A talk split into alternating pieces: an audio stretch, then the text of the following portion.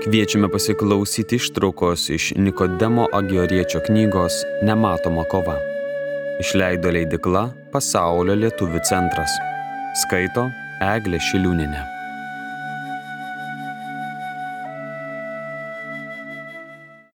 Dvidešimt devintas skyrius. Kokios taktikos dvasinėje kovoje su visais laikosi velnės ir kaip gundo skirtingos moralinės būsenos žmonės.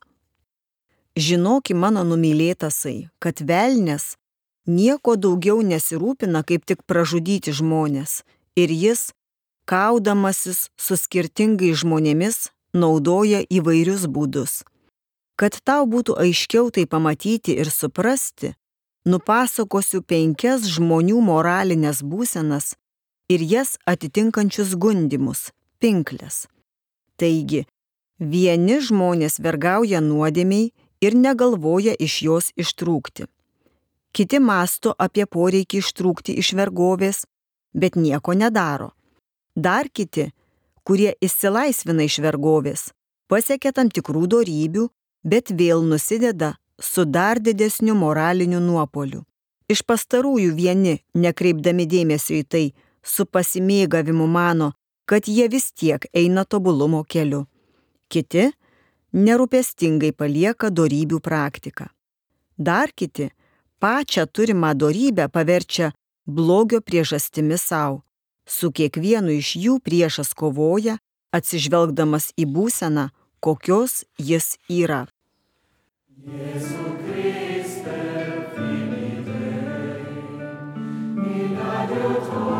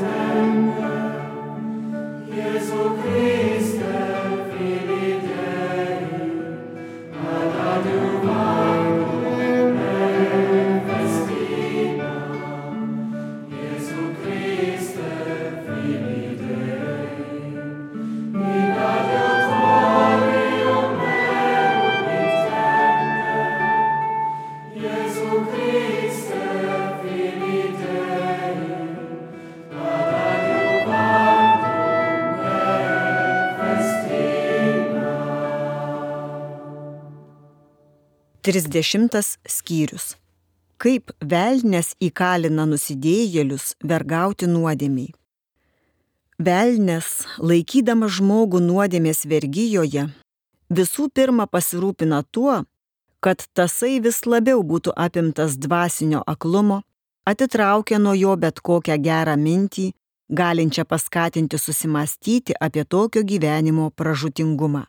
Velnes ne tik patraukia nuo jo geras mintis, kurios galėtų pastumėti žmogų į atgailą bei darybių praktiką, bet vietoj jų įkvepia piktą ir iškreiptą mąstymą, netrukus pasiūlo ir situacijų, kurios skatina vis dažniau nusidėti įprastinę nuodėmę arba veda į dar sunkesnę. Todėl vargšas nusidėjėlis vis labiau panyra į tamsą ir dvasiškai anka. Šis aklumas padeda įsišaknyti blogiems įpročiams ir skatina nuolat pasiduoti kvietimui vis labiau nusidėti. Taip nelaimingasis, vedamas nuo nuodėmės prie dar didesnio dvasinio apakimo, o nuo šio apakimo į dar sunkesnės nuodėmės, sukasi kaip verpete ir gali taip prasisukti visą gyvenimą, jei ypatinga Dievo malonė neateitų jam į pagalbą.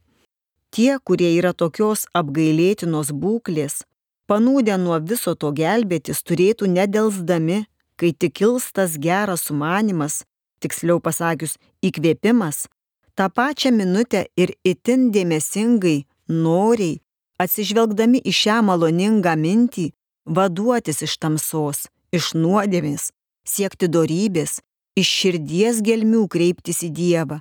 Padėk man viešpatė Dieve, greitai padėk man ir nepalik šioje baisioje tamsoje.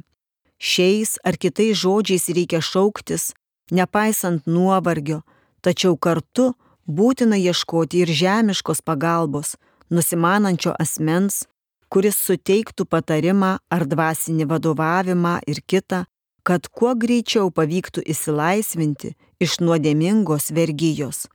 Jei tuo jau pat nepavyksta susirasti ir prisišaukti pagalbos, reikia sulaukti palankaus momento ir būtinai kreiptis, bet kartu nepaliaujamai prašyti už mus nukryžiuoto viešpaties Jėzaus Kristaus ir jo tyrosios motinos gailestingumo bei reikiamos pagalbos. Žinok, kad būtent ryštas bei neatidėliojimas ir greitas pasirengimas sekti maloningų įkvėpimu jau garantuoja priešo nugalėjimą ir nusidėjėlio pergalę.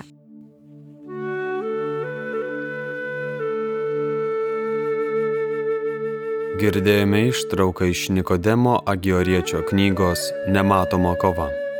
Knygą išleido leidikla Pasaulio lietuvių centras 2023 metais. Skaitė Eglė Šiliūnenė.